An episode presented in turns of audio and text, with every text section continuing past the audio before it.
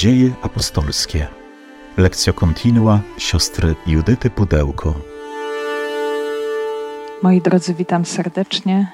Mam nadzieję, że jesteście zdrowi, przynajmniej tu będący. Inni nie wiemy, ale mamy nadzieję, że pozostaną również w dobrym zdrowiu i siłach, na ile Pan pozwoli.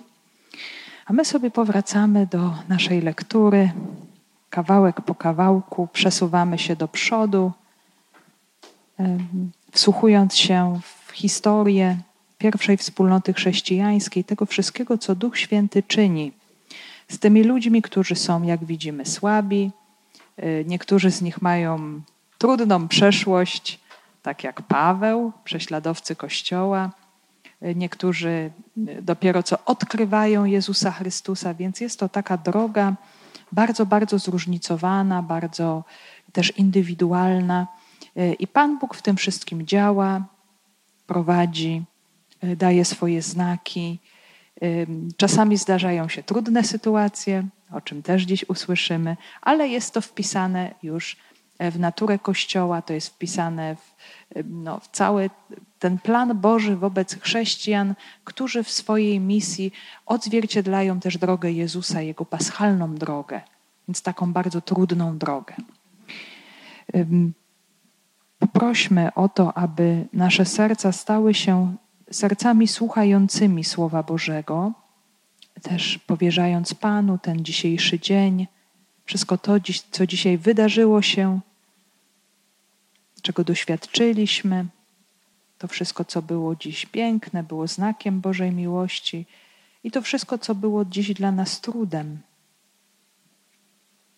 jakimś znojem, może cierpieniem. Oddajmy Panu, prośmy o o to, aby ten Duch Święty, którego On do nas nieustannie posyła, pozwalał nam doświadczać Jego obecności, Jego bliskości, Jego miłości poprzez Słowo, które ciągle do nas wypowiada, ciągle się nie męczy, nie męczy się właśnie tym Słowem i czeka, aż to Słowo doświadczy gruntu tej ziemi żyznej, która będzie chciała to Słowo przyjąć. Panie Jezu Chryste, oddajemy Ci ten czas słuchania słowa z hojnością naszych serc. Oddajemy Ci nasze utrudzenie na koniec tego dnia. Prosimy Cię, aby to słowo było dzisiaj dla nas umocnieniem, pocieszeniem nas również w tych wszystkich naszych doświadczeniach, o których Ty wiesz, które Ty znasz. Prosimy Cię, udzielaj nam Twego Ducha Świętego Przyjdź o Duchu Święty, przyjdź mocy Boga i słodyczy Boga. Przyjdź Ty, który jesteś poruszeniem i spokojem zarazem. Odnów nasze męstwo, wypełnij naszą samotność pośród świata. Spójrz nas zażyłość z Bogiem. Przyjdź duchu z przebitego Bogu Chrystusa na krzyżu. Przyjdź z ust zmartwychwstałego. Cały czas sobie powracamy do naszego rozkładu jazdy, bo to też tak są wśród nas ci, którzy chodzą regularnie, są ci, którzy przychodzą od czasu do czasu, kiedy mogą, kiedy im czas pozwoli, więc żeby zawsze się odnaleźć w kontekście głoszonego słowa, y, to zawsze sobie powracamy do Y, układu tekstu dziejów apostolskich. Już jesteśmy w drugiej połowie tej pięknej księgi, ale w pierwszej podróży misyjnej apostołów, y, która nas doprowadzi do tak zwanego Soboru Jerozolimskiego, pierwszych takich poważnych, wielkich ustaleń we wspólnocie Kościoła. Y, I ta pierwsza podróż misyjna, ciągle sobie to przypominamy, ona wyrusza z Antiochii syryjskiej, Antiochii nad Orontesem, tam gdzie jest prężna wspólnota chrześcijańska, y, kieruje się na Cypr, tam zostaje y, chrześcijaninem, prokonsul Cypru, y, Sergiusz Paweł, tam Szaweł zaczyna się nazywać Pawłem od tego momentu. Apostołowie głoszą już nie tylko Żydom, ale również poganom i udają się później do Azji Mniejszej, Y, do Pergę, tam odłącza się Marek i oni wędrują w kierunku Antiochii Pizydyjskiej, e, dużego miasta, bardzo zróżnicowanego, e, ale kierują swoje kroki do synagogi. I tam w szabat, podczas nabożeństwa szabatowego, Paweł głosi swoją wielką pierwszą homilię. Dziś już dojdziemy do końca tej homilii i zobaczymy, jaki miała efekt. E, więc jest to bardzo takie ważne wydarzenie w dziejach apostolskich, bo pokazuje nam całą strategię słowa apostoła narodów. Więc już sobie też mogliśmy dostrzec, jak Paweł głosi, głosi i do Żydów, i do pogańskich sympatyków judaizmu, czyli do tak zwanych bojących się Boga. Ta pierwsza część jego homilii jest e, spojrzeniem na dzieje biblijnego Izraela. Też nie możemy się temu dziwić, ponieważ ta homilia ona jest jakąś kontynuacją czytań synagogalnych, czyli czytają Torę, czyli fragmenty pięcioksięgu, potem czytają fragment z ksiąg prorockich, które tak zwaną haftarę, która e, no, ukierunkowywała mesjańsko lekturę Tory. No i teraz właśnie jakby na kanwie tych czytań Paweł głosi. My nie wiemy, jakie to były czytania, ale wiemy, że dla faryzeusza Pawła, tak bardzo żarliwie zanurzonego w pisma, wszystko już po prostu mówiło o Jezusie Chrystusie. On wszędzie w historii biblijnego Izraela widział drogę, która prowadzi do pełni czasów, do odkupiciela. No i tak pokazuje najważniejsze etapy tej historii: wyjście, Eksodus, Mojżesz, ziemia obiecana, Kanan, sędziowie, Samuel, Saul, Dawid. I od Dawida prosta już droga, chociaż jeszcze bardzo długa, do potomka Dawida Jezusa, którego poprzedza Jan Chrzciciel. I po tym wstępie historycznym, takim bardzo biblijnym, to też nie jest przypadkowe, dlatego że Paweł jest w synagodze, czyli odnosi się właśnie do całej tej historii, do tych zapowiedzi, żeby pokazać odpowiedź Pana Boga, no to pokazuje całą tą drogę wcześniejszą też. I po ukazaniu drogi wcześniejszej rozpoczyna się kerygmat, czyli ogłaszanie wydarzenia Jezusa Chrystusa, ogłaszenia dobrej nowiny, że to wszystko te obietnice Boże wypełniły się w Jezusie, który nie został jednak rozpoznany. Tak bardzo delikatnie Paweł e, o tym mówi, no, że że przywódcy w Jerozolimie i lud nie rozpoznali go, nie zauważyli, że Bóg działa przez niego i doprowadzili ostatecznie też do jego śmierci. I tutaj jest właśnie ten cudowny moment, o którym mówiliśmy sobie ostatnio, że w takiej sytuacji, w której wydawałoby się, że wszystko jest skończone, Paweł y, rozpoczyna jakiś nowy początek od tego wyrażenia, ale Bóg po ludzku już nie dało się zrobić nic, bo Izrael zabił swojego Mesjasza. Nawet jeśli Piłat, rzymski prefekt, chciał go uwolnić, to jednak e, ten Mesjasz Izraela został zabity i wydaje się, że coś się ostatecznie zaprzepaściło, ale nie w planie Boga. Słyszymy to cudowne wyrażenie, ale Bóg podniósł go z martwych. Czyli dokonało się coś wielkiego właśnie w tak trudnej sytuacji. I, I, to jest, myślę, też bardzo częste dla, takie bardzo charakterystyczne dla Słowa Bożego, dla historii biblijnej i dla nas, chrześcijan, że nasze wielkie wydarzenia zbawcze, te, które przeżywamy jako Kościół, ale też również te, które przeżywamy jako indywidualni chrześcijanie w naszej drodze wiary, one się dokonują poprzez Paschę poprzez naszą osobistą paschę, naszą śmierć, nasze porażki. Hmm, spróbujmy pomyśleć, że Bóg może i potrafi wszystko wykorzystać. Każdą e, właśnie najtrudniejszą sytuację, która po ludzku no, nie objawia nic szczęśliwego.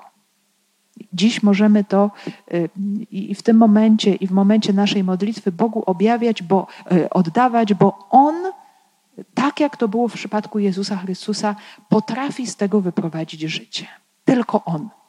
I, I zawsze, kiedy w naszym życiu dostrzegamy te Boże interwencje, odkrywamy Boże działanie, to że w ogóle, moi drodzy, w całej tej sytuacji dzisiejszego świata, że jesteśmy w kościele, że szukamy Jego słowa, że pragniemy Jego obecności, Jego łaski, to już jest bardzo wielki znak, że On zwycięża wszystko to, co jest y, przeciwnością, tą wokół nas, ale również tą w nas.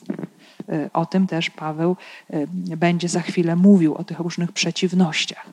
I w tej argumentacji Paweł oczywiście nie byłby faryzeuszem, uczony w piśmie, gdyby nie pokazał swoim właśnie rodakom, y, całej argumentacji, jak to powiedzieliśmy sobie, skrypturystycznej, czyli pochodzącej z pisma właśnie zapowiadającej zmartwychwstanie, czyli Jezusie się wypełnia psalm drugi, Ty jesteś moim synem, ja bym Cię dziś zrodził, Izajasz 55, czyli te wszystkie łaski zapowiedziane Dawidowi, czy ostatecznie zapowiedź, że nie doświadczysz rozkładu zniszczenia w grobie.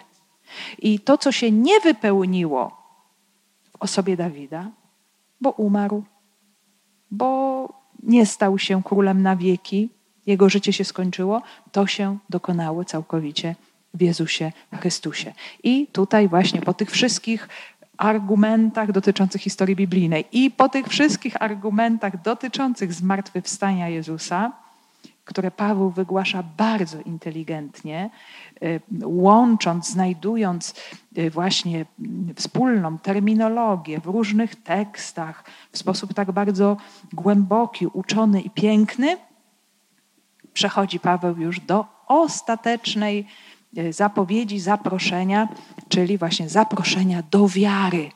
Bo słowo głoszone ma obudzić w człowieku wiarę, i może to uczynić zawsze pod jednym warunkiem, że człowiek tego chce.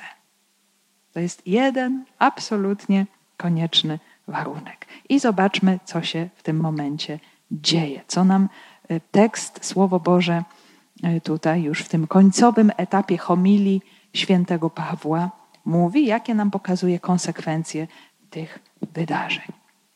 Z dziejów apostolskich.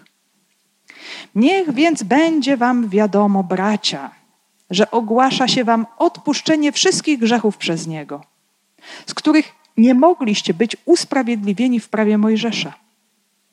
Każdy, kto wierzy, jest przez Niego usprawiedliwiony. Uważajcie więc, aby nie spełniły się na was słowa proroków. Patrzcie, szydercy, zdumiewajcie się i przepadnijcie, bo za dni waszych dokonuje dzieła, któremu byście nie uwierzyli, gdyby wam ktoś o nim mówił. Kiedy wychodzili, proszono ich, aby w następny szabat mówili do nich o tym samym. A opuszczając zgromadzenie, wielu Żydów i pobożnych prozelitów towarzyszyło Pawłowi i Barnabie, którzy w rozmowie starali się zachęcić ich do wytrwania w łasce Boga. W następny szabat zebrało się niemal całe miasto, aby słuchać słowa Pana.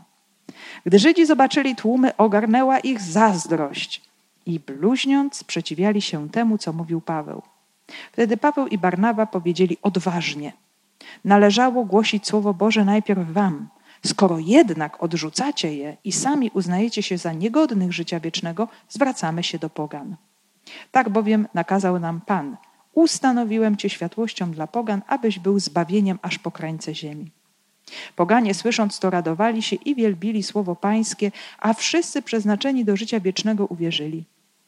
Słowo Pana szerzyło się na cały kraj, ale Żydzi podburzyli pobożne, a wpływowe niewiasty i znaczniejszych obywateli, wzniecili prześladowanie Pawła i Barnaby i wyrzucili ich ze swoich granic. A oni, strząsnąwszy na nich pył z nóg, przyszli do Ikonium a uczniowie byli pełni wesela i Ducha Świętego. Niech więc będzie wam wiadomo, bracia, że ogłasza się wam odpuszczenie wszystkich grzechów przez Niego, z których nie mogliście być usprawiedliwieni w prawie Mojżesza. Każdy, kto wierzy, jest przez Niego usprawiedliwiony. Więc mamy te bardzo ważne elementy. Historia Izraela, Y, przyjście Jezusa Chrystusa, Jego śmierć i potem zmartwychwstanie, które jest tym uwierzytelnieniem, że On jest Bogiem. No ale właśnie, tutaj rodzi się pytanie, co dla nas wynika z tego? No, wynika zasadniczo wszystko, co jest najważniejsze w naszym życiu, ponieważ Paweł ogłasza to bardzo uroczyście, że przez niego dokonuje się odpuszczenie grzechów. To, czego człowiek nie może zrobić sam, my po prostu, moi drodzy, wobec zła jesteśmy bezsilni. I jeszcze się Żydom wydawało, że ponieważ mają prawo i mają te przepisy, i mają ten wspaniały, bardzo mądry dekalog, y, i, i bardzo jasno powiedziane, co mówi Bóg, do czego zaprasza człowieka, i jakie są wymogi, i że to coś zmienia w nas. My przez prawo możemy się dowiedzieć wielu rzeczy, i taka była, możemy powiedzieć, ta wyższość Żydów nad wszystkimi innymi, że oni się po prostu wielu rzeczy dowiedzieli. No i na tym koniec.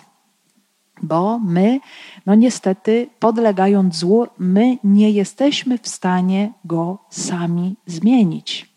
My możemy się trochę powysilać, yy, chcieć być dobrymi, ale jak na przykład weźmiemy list do Rzymian, który jest cudownym, yy, no takim zobrazowaniem tego wszystkiego, co tu słyszymy o Pawle, bo tu słyszymy pewną taką narrację o wydarzeniach, o jego działaniu, a listy świętego Pawła pokazują właśnie to, co Paweł poznał w związku z tym i co przekazywał.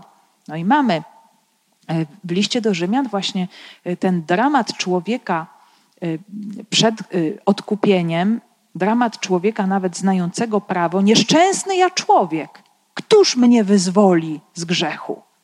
Nie? Tam jest taki, no, no wręcz tak jakby sam Paweł to wyrażał. Wiemy, że to jest taka forma gramatyczna, taka swoista diatryba, która no, pokazuje ten dramat człowieka bezsilnego wobec zła.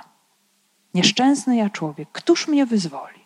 I teraz dokonuje się ogłoszenie czegoś niezwykłego, a mianowicie przez Niego, przez tego, który zmartwychwstał jest odpuszczenie grzechów. To jest, to jest centrum nauczania Kościoła. To jest centrum życiodajne, które nieustannie pulsuje w Kościele. Jest życie. Y, odpowiedzią Boga na zło jest łaska, jest usprawiedliwienie. My, jako ludzie, y, my mamy różne odpowiedzi na zło, ale zazwyczaj nie potrafimy odpowiadać dobrem. To dopiero Duch Święty uzdalnia chrześcijanina do tego, żeby odpowiedział na zło dobrem. I to już jest właśnie wyraz przemiany człowieka w Jezusa Chrystusa, jego postaw.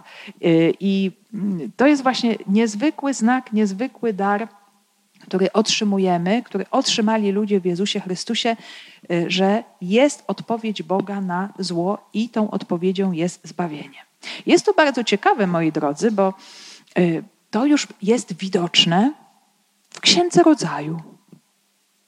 Bardzo, bardzo wyraźnie. Tam, gdzie jest opisany upadek pierwszych rodziców, to się dzieje. Natychmiast w tym samym momencie Bóg woła do człowieka, gdzie jesteś. I po całej identyfikacji tego wszystkiego, co się stało, jest od razu zapowiedź zbawienia. To jest właśnie reakcja Boga na zło. Na zło świata, ale też na zło moje. Tylko, że my mamy tak skrzywiony obraz Pana Boga po właśnie doświadczeniu grzechu pierworodnego, że nam się wydaje, że odpowiedzią Boga na mój grzech jest kara. A tymczasem Paweł ogłasza Ewangelię, dobrą nowinę. Odpowiedzią Boga na mój i Twój grzech jest zbawienie. Jest ratunek. Od razu, natychmiast. Nie? Oczywiście w całej historii zbawienia to upływa bardzo dużo czasu, zanim Chrystus się pojawi, wszystko do Niego prowadzi. Ale to jest jedyne wyjście, które, yy, które otrzymujemy. My otrzymujemy bardzo wiele różnych systemów, filozofii, religii itp., itd., które nas uczą, jak żyć dobrze, jak robić dobre rzeczy, a już wiemy o tym doskonale, że chrześcijanin to nie jest człowiek, który po prostu robi jakieś dobre rzeczy, bo tych rzeczy jest mnóstwo na świecie, dobrych. Bo wszyscy ludzie, nawet niewierzący, są stworzeni przez dobrego Boga i potrafią robić bardzo dobre rzeczy. Ale chrześcijanin odkrywa, jak Bóg reaguje na zło.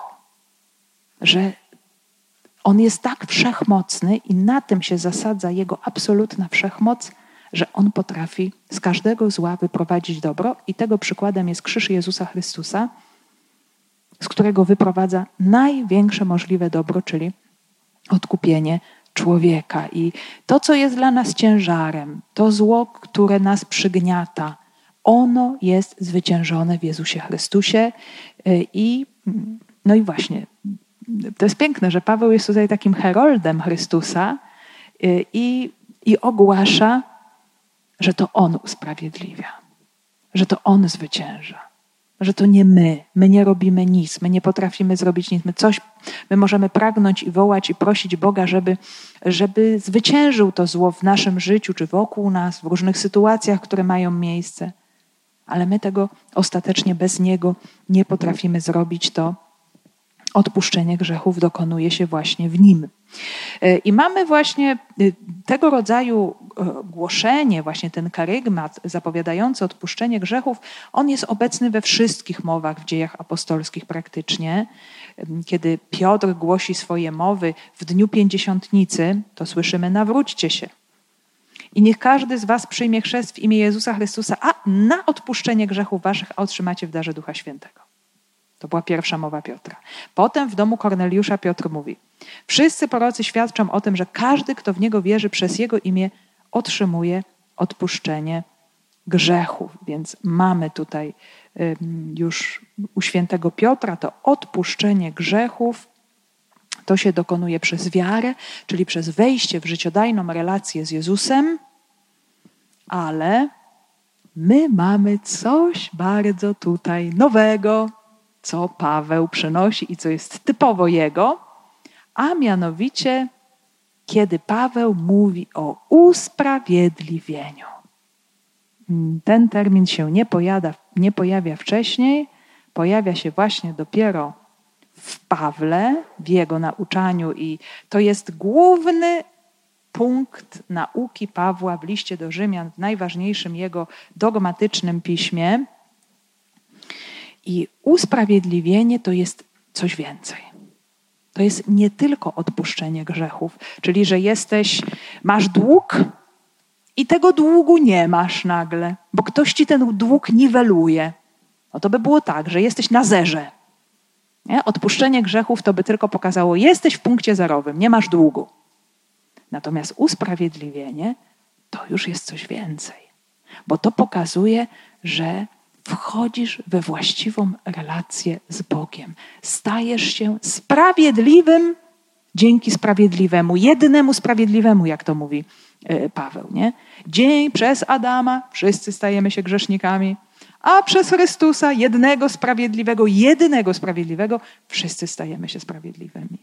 Czyli On nam przekazuje y, no, siebie, tak jak my w Adamie doświadczamy tej y, grzesznej naszej natury, skłonności do grzechu, do zła pod każdym względem, tak samo Chrystus nas przyciąga do siebie i nie tyle, że niweluje to zło, które czynimy, czy które inni czynią, bo to się ciągle dokonuje, ale daje nam pakiet. Nie pakiet ludzi odkupionych, pakiet dzieci bożych, no, wielkie, niesamowite obdarowanie, y, czyli jesteśmy, y, jesteśmy przyobleczeni w Jego sprawiedliwość, w Jego osobę, w Chrystusa.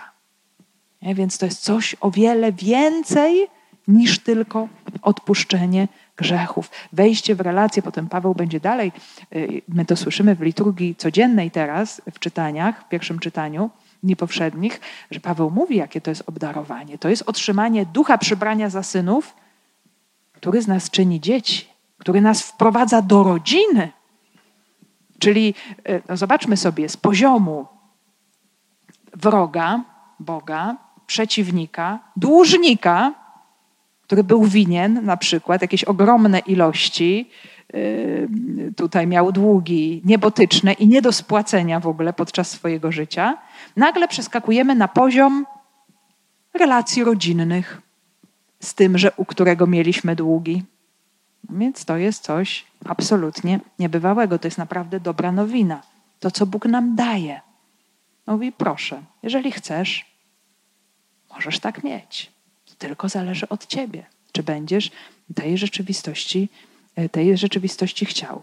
I Paweł e, tutaj w swoim nauczaniu, co też podkreśla Łukasz w dziejach apostolskich, bardzo wyraźnie, to jest typowo Pawłowe, pokazuje, że niemożliwym jest, żeby tego usprawiedliwienia dokonało prawo. No bo Paweł doskonale wiedział jako faryzeusz, że Żydzi pokładają nadzieję w prawie i że przez poznawanie tego prawa czy wypełnianie uczynków oni sobie zasługują na przyszłe usprawiedliwienie u Boga. Paweł pokazuje, nie, to się po prostu nie da. Rzeczywistość grzechu jest tak wielka, to są po prostu poziomy, które się nawet nie stykają, że my naszymi wysiłkami, naszymi tak zwanymi nawet zasługami, my nie jesteśmy tego w stanie zrobić. Nie? Czyli, czyli to prawo, ono nas no, nie wyzwoli. Nie? To jest jakaś niesamowita też rewolucja. Nie? Pokazuje, gdzie jest nasza przestrzeń wybawienia w Chrystusie w wierze, czyli w tym w pokornym przyjęciu tej prawdy, że moje usprawiedliwienie, moje odkupienie jest czystym darem Boga. I to jest, moi drodzy, dlaczego to jest takie rewolucyjne? Bo to, ten sposób, w jaki Bóg nas odkupił, to jest bardzo, to jest niesamowita inteligencja Boga. Ja zupełnie niedawno to odkryłam tak głębiej, bo, bo zobaczmy, co zrobił w nas grzech. Grzech y, pociągnął pierwszych rodziców, co było tą pokusą? Być jak Bóg. Czyli być niezależnym. Ja sobie wszystko sam mogę zapewnić. No więc to ta chęć zapewnienia sobie samemu wszystkiego, ona również rozciągnęła się na życie duchowe człowieka. Czyli ja sobie też zapewnię, no jak coś mi się złego zdarzy, to ja tak się wysilę, mam tutaj prawo, mam wszystkie przepisy, że ja wszystko tak nadrobię, że ja, się, że ja no, wyjdę z tego zła o własnych siłach.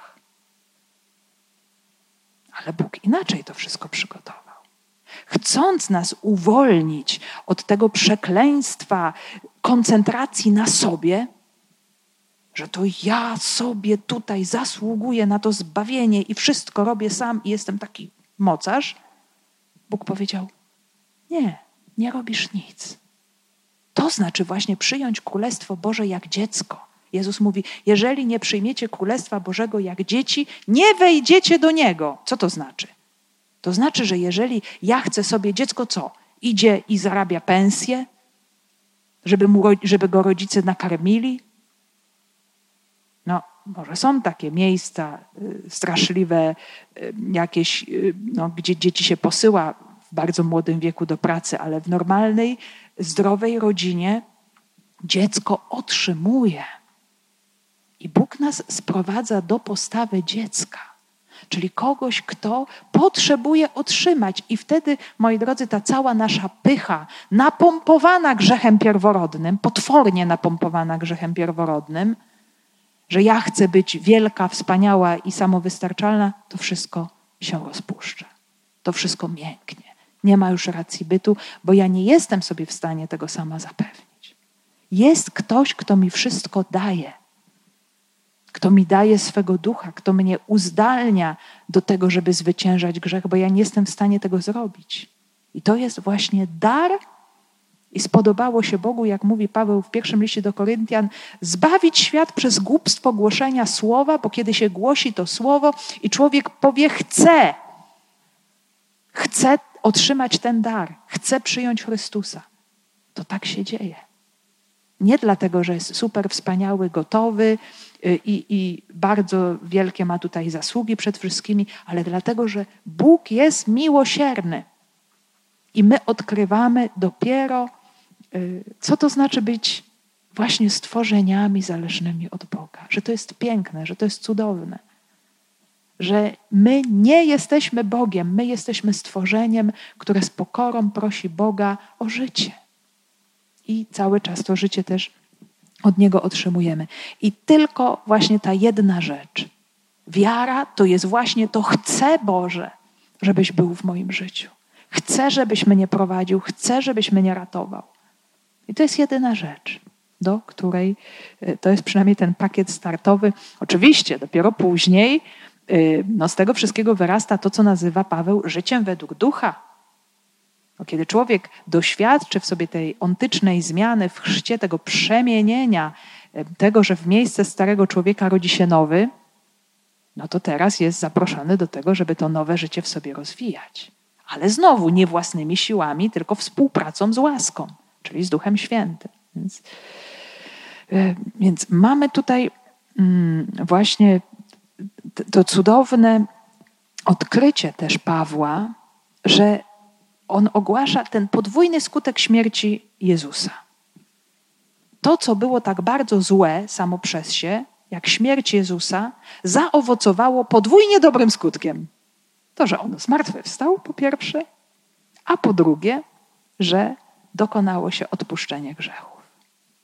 Czyli coś, co z gruntu mogło być właśnie odczytane jako ogromne, straszne, wielkie zło, które nieodwracalne zło Bóg przemienił w największe możliwe dobro. No ja myślę, że to jest tak niezwykłe i tak zaskakujące, i tak pokazujące nam, że nasze w ogóle jakieś wyobrażenia w najmniejszym stopniu nie dorastają do tego, co Bóg robi. Nawet, nawet nie, ma, nie możemy sobie, nie jesteśmy w stanie sobie tego wyobrazić. Jak wielkie Bóg rzeczy czyni w, naszych biednych błędach, które nieustannie popełniamy w naszym życiu. Nie? To się dokonuje właśnie, że On to zwycięża, że On z tego wyprowadza życie. Więc i to się, to się dokonuje właśnie do, wobec każdego, tak jak Paweł mówi, każdy, najpierw Żyd, potem Grek, czyli najpierw ci, którzy poznali drogę pierwszego przymierza, a potem wszyscy poganie. Y, I, i, i, i to jest właśnie łaska absolutnie powszechna. Uważajcie więc, aby nie spełniły się na was słowa proroków. Patrzcie, szydercy, zdumiewajcie się i przypadnijcie, bo za dni waszych dokonuje dzieła, które mu byście nie uwierzyli, gdyby wam ktoś o nim nie mówił. No i Paweł znów tu się odnosi do pisma, cytuje nam mniej znany fragment z księgi proroka Habakuka 1:5. I o co tutaj chodzi? Otóż Habakuk to był taki prorok, który żył na pograniczu imperium, znaczy czasów imperium asyryjskiego i babilońskiego, czyli już Asyria odchodziła w cień i pojawiali się Chaldejczycy, czyli Babilończycy. Oczywiście Judejczycy się bardzo cieszyli, że Asyria słabnie, bo Asyria była znienawidzonym imperium i myśleli, że no to, że teraz będzie wspaniale. Ale prorok tutaj przestrzega przed banalizowaniem pojawienia się Babilończyków. Yy, uważajcie, bo to może być upadek z deszczu pod rynne, że yy, baliście się Asyryjczyków, Asyria, jak pamiętamy, nie zdołała zwyciężyć Jerozolimy, chociaż próbowali, najeżdżali, ale ostatecznie nie. Natomiast Babilończycy to uczynią. Najadą Jerozolimę, spalą świątynię, wyprowadzą ludność Jerozolimy na wygnanie i będzie po prostu masakra. Tak byśmy po naszemu powiedzieli. A tymczasem to słowo zapowiadane przez proroka Habakuka zostało zlekceważone, zostało zbanalizowane. Więc Paweł chce pokazać, znając bardzo dobrze pisma, że to tak to się dzieje w biblijnym Izraelu i teraz, że człowiek ma taką skłonność, że nie wierzy Słowu Boga, że nie bierze go poważnie. Więc, więc Paweł chce, no właśnie, chce powiedzieć, przestrzega i mówi: uważajcie, bo mieszkańcy Jerozolimy, banalizując te słowa, doświadczyli najazdu, który dla wielu z nich skończył się tragicznie. Bo albo niektórzy w, w związku z tym najazdem zginęli, inni stracili mienie, i w ogóle była to dla nich no, tragedia taka bardzo doczesna. Natomiast Paweł chce tutaj powiedzieć, ale uważajcie, bo teraz chodzi o o wiele poważniejsze rzeczy. To nie chodzi tylko o utratę domu, winnicy, a nawet życia doczesnego, które no i tak ostatecznie w przypadku każdego człowieka kiedyś się skończy, tak? To, to jest rzecz jasna. Ale tutaj chodzi o utratę życia wiecznego. Więc Antiocheńczycy, Paweł chce powiedzieć, nie bądźcie tak nierozumni jak ongiś mieszkańcy Jerozolimy, którzy nie chcieli Bogu uwierzyć, kiedy głosił swoje słowo przez proroków. Więc też próbuje wpłynąć na swoich słuchaczy i pokazać im, słuchajcie, można pewnych rzeczy nie przyjąć i to się skończy źle. Bądźcie już mądrzejsi. Uczcie się z historii waszych ojców. Jak, jak się źle działo, kiedy nie słuchali proroków. I się nad tym zastanówcie. Więc taki apel też do, y, do swoich słuchaczy tutaj Paweł kieruje. Kiedy wychodzili, proszono ich, aby w następny szabat mówił do nich o tym samym. A opuszczając zgromadzenie, wielu Żydów i pobożnych prozelitów towarzyszyło Pawłowi i Barnabie, którzy w rozmowie starali się zachęcić ich do wytrwania w łasce Boga. No i homilia się skończyła, możemy powiedzieć, z takim przytupem, jeszcze odniesieniem do proroka Habakuka. E, tutaj też oczywiście Paweł jest przeniknięty tym żarem Chrystusa, e, Duchem Świętym, ale też oczywiście cały czas tu bierzemy pod uwagę wielkie zdolności Pawła, który e, no, potrafił utrzymać uwagę swoich słuchaczy, który potrafił e, wykazać, jak się wypełnia pismo, pewną logiczność tych wszystkich wydarzeń opisanych w słowie. No i to wszystko porusza słuchaczy. Wiadomo, że jest ta część Y, wielkich zdolności Pawła, ale też no, przez to jego głoszenie działa bardzo mocno Duch Święty i, i słuchacze są poruszeni i są pociągnięci do słuchania słowa i chcą tego słowa słuchać.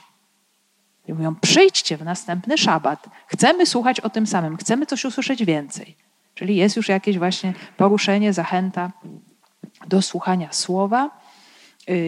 I tutaj pojawia się takie bardzo ciekawe stwierdzenie, że kiedy wychodzą z, tej, z tejże synagogi, czy nawet tu możemy powiedzieć z tego zgromadzenia ludzi, bo pewnie też nie wszyscy uwierzyli, y, jak zaraz też zresztą zobaczymy dokładniej, są ci Żydzi i ci prozelici, którzy, tu jest dosłownie, idą za Barnabą i Pawłem. Jest tutaj użyty taki termin uczniostwa. Tak jak Jezus, kiedy nauczał, mówił do ludzi: pójdź za mną. I oni szli za nim.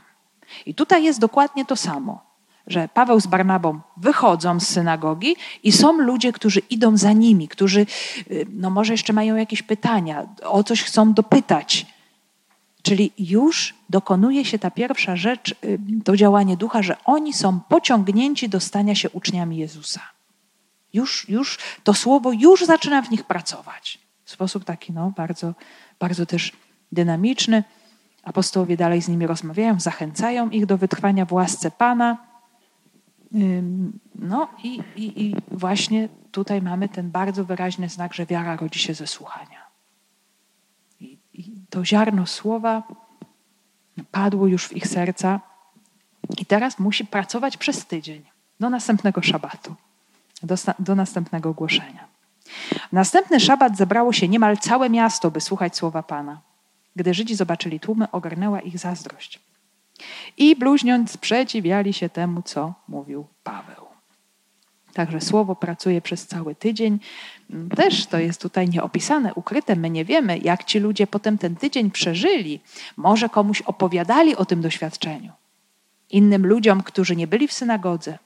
A może też y, na przykład prozelici albo ci bojący się Boga poganie, y, no, zaprosili też i innych pogan, którzy jeszcze nie słyszeli E, dobrej nowiny o zbawieniu, ani nie słyszeli o Bogu jedynym, ani nie słyszeli o Jezusie Chrystusie.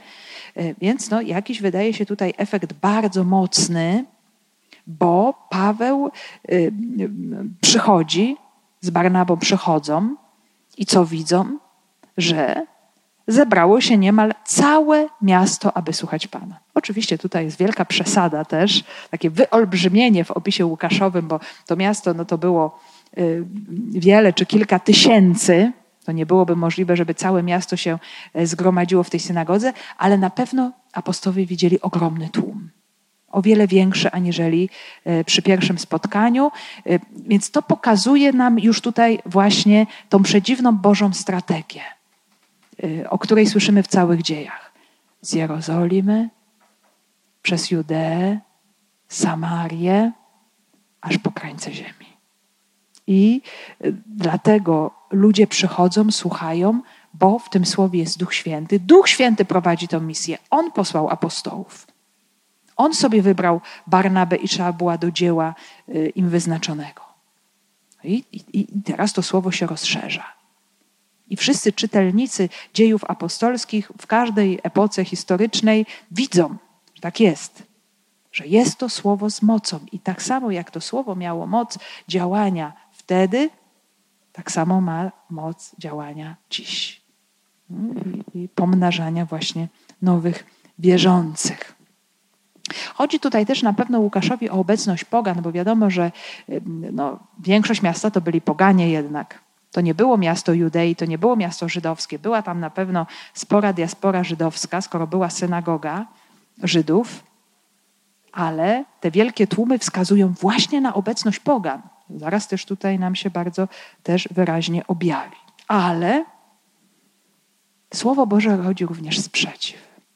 I to jest też bardzo konkretna rzecz, obecna i w nauczaniu Jezusa. Jezus miał swoich oponentów. I od samego początku wspólnota jerozolimska, Piotr i apostołowie doświadczali opozycji, więzienia, przesłuchań, prześladowań, biczowań. I to samo się zaczyna w misji Pawła. Jest wielkie poruszenie, y, które czyni Duch Święty, a z drugiej strony jest właśnie sprzeciw.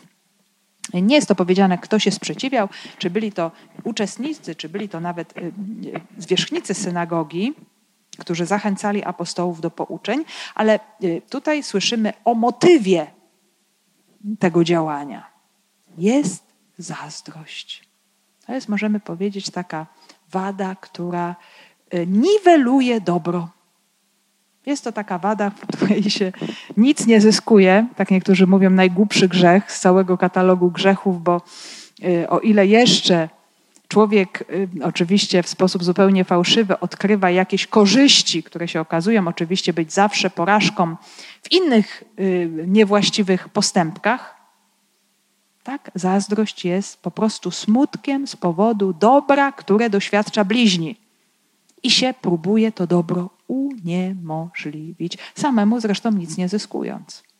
Jest to, możemy powiedzieć, taka wada mm, no, bardzo niszcząca. Nie wiemy, czy tutaj chodziło o to, że do tej wspólnoty Pawła, zwolennikami Pawła staje się bardzo duża liczba pogan, co Żydzi mogli właśnie odbierać jako y, właśnie konkurencję w prozelityzmie. Oni się uważali do tego, że to my tutaj jesteśmy właśnie tutaj nauczycielami tych biednych pogan, którzy nie znają prawa i my ich oświecimy. A tymczasem pojawia się ktoś, kto potrafi bardziej ich przyciągnąć, kto, da, kto daje im jakąś pełnię. I właśnie to czyni Paweł, więc E, więc jest zazdrość i ta zazdrość objawia się na dwa sposoby. Jest sprzeciw słowny wobec Pawła, czyli odrzucenie głosiciela, ale uwaga, tutaj jeszcze się y, pojawia bardzo rzecz poważna, a mianowicie bluźnienie. Łukasz to nazywa bluźnierstwem. A co to jest bluźnierstwo? Bluźnierstwo są to wypowiedzi, są to czyny, które depczą świętość depczą Boga samego. Czyli zazdrość może doprowadzić do tego, że człowiek siebie postawi ponad Boga. I tak to się właśnie tutaj dokonuje, mm, że mm, no, no pojawia się ogromny problem. Bluźnienia, tak jakby no właśnie negowania też działania Boga, które się dokonało w Jezusie Chrystusie. I, i, i, i pamiętamy, że Podobne sytuacje już miały miejsce, y, kiedy Szczepan chociażby wyznawał wiarę w Jezusa, że widzi, widzi niebiosa otwarte, Jezusa po prawicy Boga, oni wszyscy właśnie negowali to jego doświadczenie, odrzucali możliwość działania Boga w Jezusie. No, to jest taka rzecz bardzo poważna, ponieważ jest to postawa, która uniemożliwia zbawienie. Bo jeżeli Bóg przychodzi ze swoim darem, mówi: Chcę ci go dać, a ktoś wręcz no, w sposób taki ekstremalnie ostry odrzuca, wręcz bluźni, gardzi, depcze, no to Pan Bóg ma tą, tym wyborem człowieka związane ręce, przynajmniej na pewien czas. Będzie szukał dojścia do tego człowieka na różne inne sposoby. No, jest, to, jest to właśnie sytuacja bardzo, bardzo trudna. zdarzająca się ciągle głosicielom Ewangelii. Wtedy Paweł i Barnaba powiedzieli odważnie: Należało głosić Słowo Boże najpierw wam. Skoro jednak odrzucacie je i sami uznajecie się za niegodnych życia wiecznego, zwracamy się do pogan. Tak bowiem nakazał nam Pan: Ustanowiłem cię światłością dla pogan, abyś był zbawieniem aż po krańce ziemi. I tutaj mamy taki jeden z pierwszych bolesnych etapów pęknięcia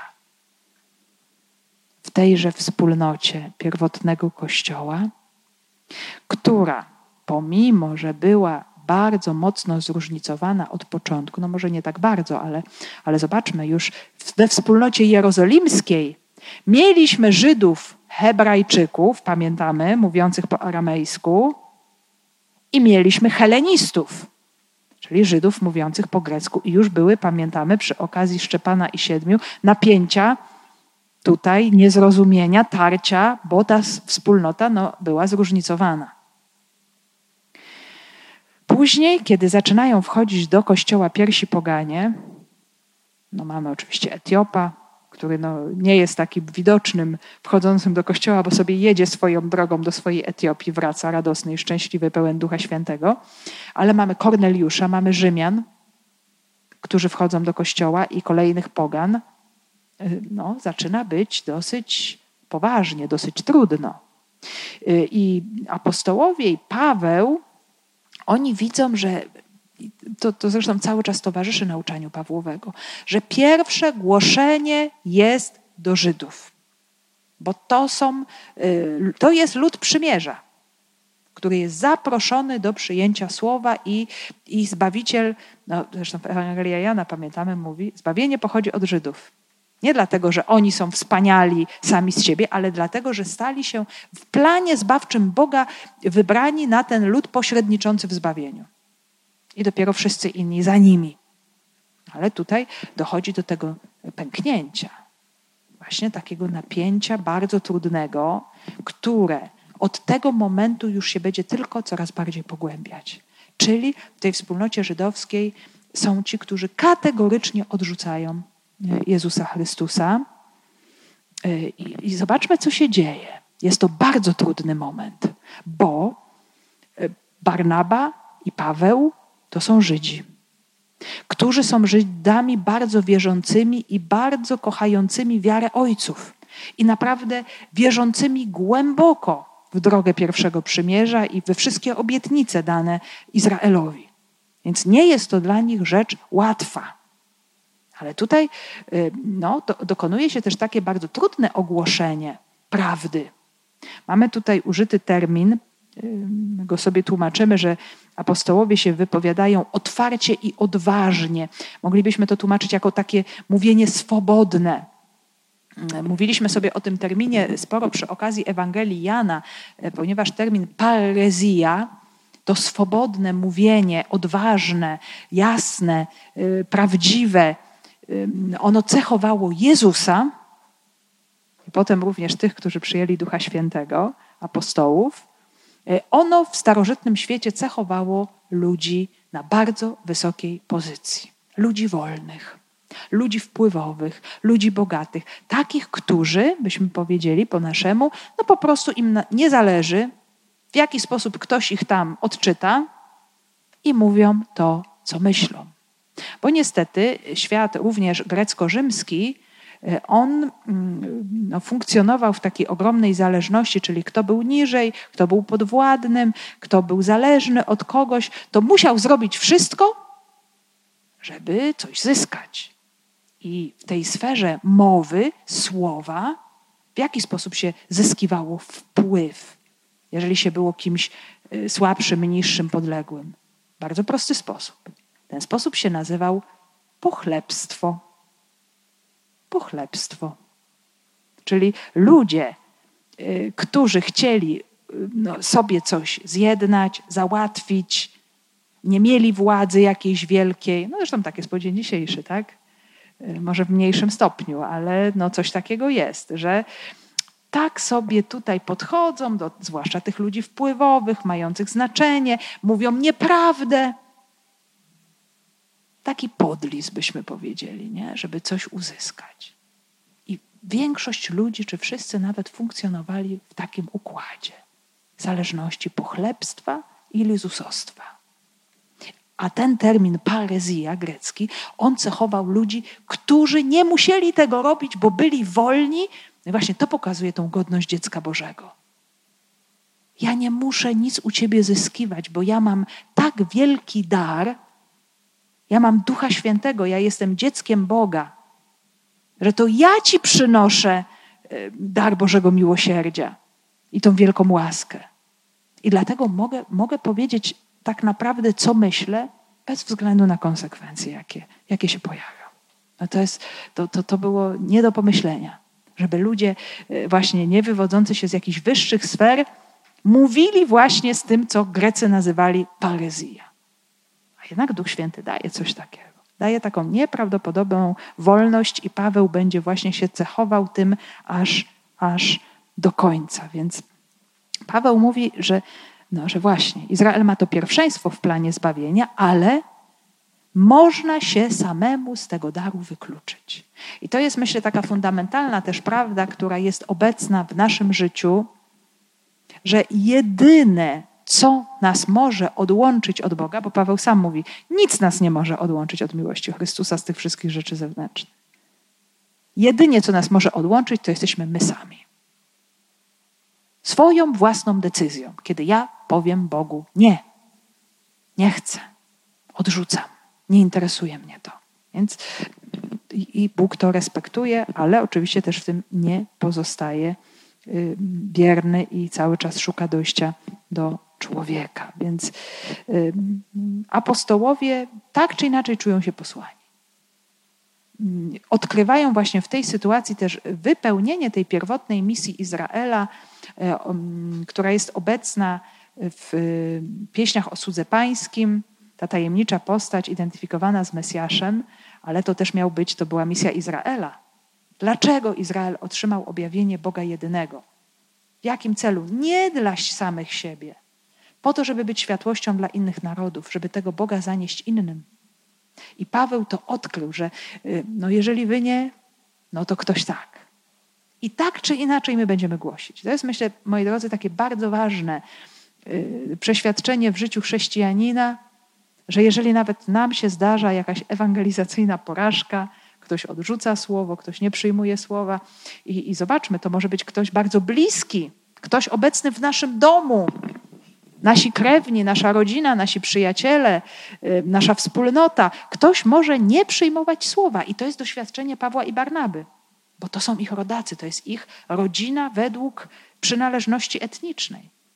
Odrzucają Jezusa Chrystusa ale to ich nie zatrzymuje. Idą i głoszą dalej. I tak wypełni się Boży plan, Boża wola, bo Jezus jest, y, On jest tą światłością dla Boga. I to jest piękne odkrycie ewangelisty Łukasza. Możemy sobie tutaj przypomnieć początek Ewangelii Łukaszowej, kiedy się pojawia stary Symeon, który też jest symbolem tego Izraela oczekującego Mesjasza. No i co widzi w malutkim Jezusie przyniesionym do, do świątyni? światło na oświecenie pogan i chwałę ludu Twego Izraela. Już wtedy. Nie? Jak na, to nam się pięknie łączy. Mądrość starca Symeona, która gdzieś właśnie ten obraz, te terminy są obecne w nauczaniu Pawła. Mm, I, I Paweł mówi właśnie: Ustanowiłem Cię światłością dla pogan. Jezus jest tym światłem na oświecenie pogan. Także Izrael miał tę misję wypełnić, ale ją wypełnia Jezus. On jest tą światłością na oświecenie pogan i podejmują to apostołowie. Oni mają to kontynuować i, i zobaczmy, jak bardzo dzieje konsekwentnie to pokazują. Y, wtedy, kiedy Ananiasz cały się opiera, nie chce pójść do Szawła, mówi: Panie, czy ty wiesz, co to jest za człowiek? Przecież to jest straszny człowiek. To, to w ogóle ile on zła wyrządził naszym braciom. Wtedy Pan mówi mu: idź, Wybrałem go sobie za narzędzie. On zaniesie moje imię do pogan i królów i do narodu izraelskiego. Więc już w tym pierwotnym zamyśle Boga Paweł ma właśnie taką misję. Poganie słysząc to radowali się i wielbili słowo pańskie, a wszyscy przeznaczeni do życia wiecznego uwierzyli. Słowo Pańskie szerzyło się na cały kraj. Także są poganie, którzy przyjmują, no dzięki temu też, że y, jacyś poganie byli obecni w synagodze, tak? Potem ci z synagogi pociągnęli kolejnych. Czyli właśnie następuje to rozszerzanie się tak czy inaczej Bożego Słowa na cały kraj i y, y, Łukasz pokazuje nam w dziejach apostolskich, że nic nie jest w stanie zatrzymać mocy Bożego Słowa. Bo jest ono tak wypełnione mocą Ducha Świętego, że nawet to prześladowanie, ta niechęć, te bluźnierstwa i te złe słowa, które padają pod kierunkiem Barnaby i, i, i Pawła, nie zatrzymuje rozszerzania się Bożego Słowa. Tutaj mamy takie bardzo też trudne wyrażenie, które musimy właściwie zrozumieć, a mianowicie to, że wszyscy przeznaczeni do życia wiecznego uwierzyli. To może nam się kojarzyć z jakąś predestynacją, czyli właśnie no ktoś jest przeznaczony, to w takim razie ktoś jest nieprzeznaczony. Natomiast nie chodzi tutaj o to, chodzi o, o to, że mm, to słowo przeznaczeni, zresztą jest to taki trudny termin, który pochodzi też z terminologii wojskowej, że ktoś jest do czegoś wyznaczony. Y, I dzieje nie mówią nam tutaj, że y, ci są wyznaczeni, a inni nie są wyznaczeni. Tylko chce nam pokazać, że również oni są wyznaczeni, powołani, wezwani do tego, żeby przyjąć to słowo. I jeżeli Bóg ich wyznacza, to nie znaczy, że wyklucza kogokolwiek. Ale tak jakby to jest raczej poszerzanie kręgu, a nie zawężanie kręgu tych ludzi, którzy zaczynają wierzyć. Więc y, poszerzanie obdarowania. E, przeznaczeni, czyli wezwani, zawołani, e, tak jakby właśnie powołani na jakąś przez dowódcę do pełnienia jakiegoś zadania wojskowego, oni po prostu to słowo przyjmują. No ale kolejne problemy są już tutaj w zanadrzu, bo Żydzi podburzyli pobożne, a wpływowe niewiasty i znaczniejszych obywateli wzniecili prześladowanie Pawła i Barnaby i wyrzucili ich ze swoich granic. Więc, e, więc jeżeli jest dynamiczny rozwój Kościoła, to od razu są dynamiczne prześladowania. A każdym razem jest, jest tak samo. Taki schemat obecny już bardzo wyraźnie w tych rozdziałach początkowych 2.8, e, bo są ci właśnie, którzy odrzucają zbawienie i też nie chcą, żeby to zbawienie się rozszerzało. Więc zawsze, moi drodzy, w Kościele tak jest w misji ewangelizacji zawsze rzeczą najnormalniejszą jest sprzeciw, jest odrzucenie.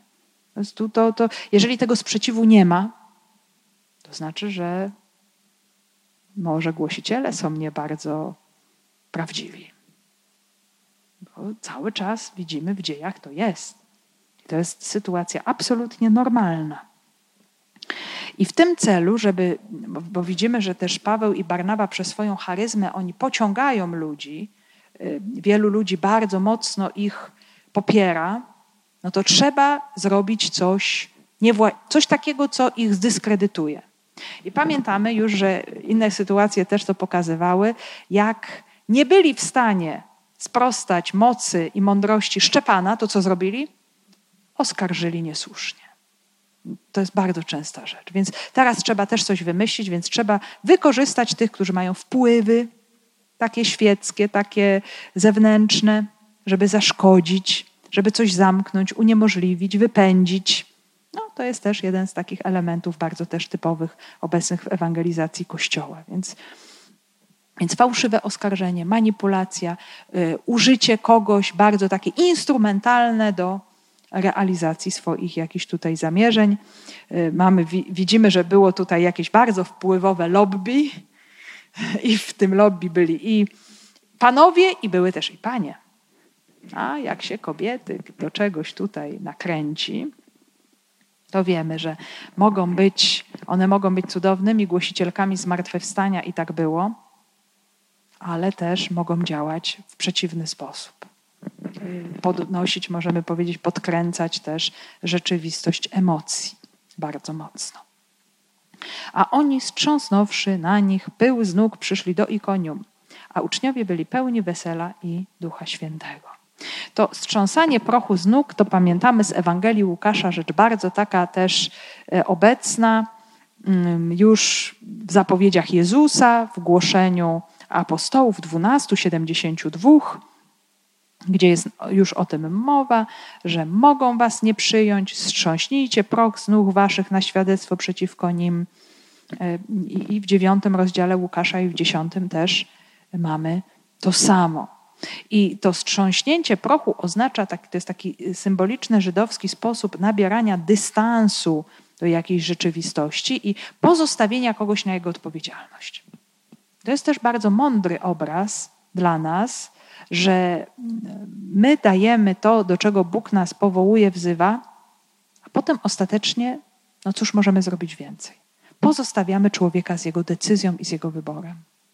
Nie? To nie jest jakaś negatywna postawa wobec kogoś, ale właśnie takie w ichniejszej mentalności nabranie dystansu wobec rzeczywistości, co potem też zobaczymy i w innych sytuacjach, w Koryncie, gdzie Paweł będzie bardzo intensywnie nauczał Żydów korynckich, mm, też będzie sprzeciw i bluźnienie. I też przeczytamy o tym, że Paweł otrząsnął swoje szaty, powiedział do nich: Krew wasza na wasze głowy, ja nie jestem winien, od tej chwili pójdę do pogan. Jeszcze mocniejsze takie stwierdzenie, czyli, czyli wybierzecie odpowiedzialność za waszą, za waszą decyzję, czyli takie też odłączenie. Oni są odrzuceni, ale się wcale nie poddają, idą dalej do Ikonium. I tam się będą działy nowe rzeczy. Duch Święty będzie objawiał swoją moc Czyli przeciwności nie zatrzymują ewangelizacji, o tym już pamiętamy od prześladowań w Kościele Jerozolimskim. Jeszcze bardziej wypychają apostołów do dalszego działania. To można sobie jeszcze przemyśleć. Czy moje przeciwności mogą mnie jeszcze tutaj pobudzić do czegoś, do jakiegoś dzieła jeszcze większego w misji ewangelizacji Kościoła? I jest prześladowanie, a z drugiej strony, zobaczmy, jest radość bo dzieje się coś nowego, bo powstaje nowa wspólnota chrześcijan, którzy przyjmują Ducha Świętego, jeżeli przyjmują chrzest, przyjmują Ducha Świętego, otwierają się na wiarę i przyjmują nowe życie. Także pośród tej trudnej rzeczywistości, tego zmagania, jest oznaka działania Ducha Świętego i, i nowego życia. I tak, moi drodzy, podsumowując, bo mamy tutaj dużo tych elementów, widzimy ten owoc mocy słowa głoszonego przez Pawła, tego karygmatu, ogłoszenia zwycięstwa Chrystusa, tego dzieła przebaczenia grzechów, usprawiedliwienia, czego człowiek sam z siebie nie może. Ta rzeczywistość porusza wielu ludzi, przyciąga ich do Chrystusa, wypełnia się właśnie misja sługi Pańskiego, i to wymaga otwartości, wymaga zgody. I są ci, którzy się zgadzają, są ci, którzy się nie zgadzają, są ci, którzy wchodzą i pociągają innych, i są ci, którzy nie wchodzą i chcą przeszkodzić w dziele ewangelizacji. Czyli słowo budzi ciągły sprzeciw. Jest znakiem sprzeciwu. Nie możemy się temu dziwić, ale Duch Święty dalej prowadzi misję i jest to właśnie ciągły proces obecny w Kościele od samego początku. Słowo, tak jak Jezus powiedział w Ewangelii, nie przyszedłem dać pokoju, ale miecz. W takim znaczeniu, że Jezus owszem, jedna y, poranioną ludzkość, ale ten, kto odrzuca Słowo Boże, no odrzuca y, tą rzeczywistość zbawienia, czy przynajmniej na tym etapie, mm, kiedy to Słowo jest do niego głoszone, i jest to coś no, ciągle obecnego w misji Kościoła, dlatego nie możemy się dziwić, a jednocześnie potrzebujemy ciągle, ciągle na nowo otwierać się na moc Ducha Świętego, aby to Słowo Boże przyjmować.